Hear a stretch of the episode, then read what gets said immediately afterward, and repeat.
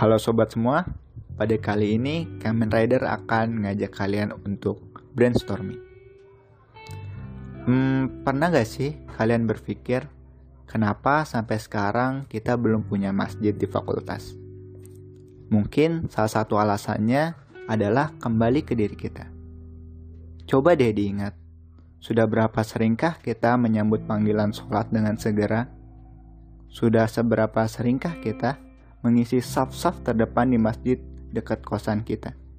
Sudah seberapa seringkah kita memenuhi majelis-majelis ilmu di masjid-masjid? Ya, kita masih amat jarang dan sangat lalai. Kita telah terperdaya oleh kehidupan kita sendiri. Padahal di dalam Al-Quran dijelaskan, sesungguhnya dunia ini hanyalah tempat untuk bersenda gurau, yang seharusnya kita mengisi setiap waktu kita untuk beribadah hanya kepadanya.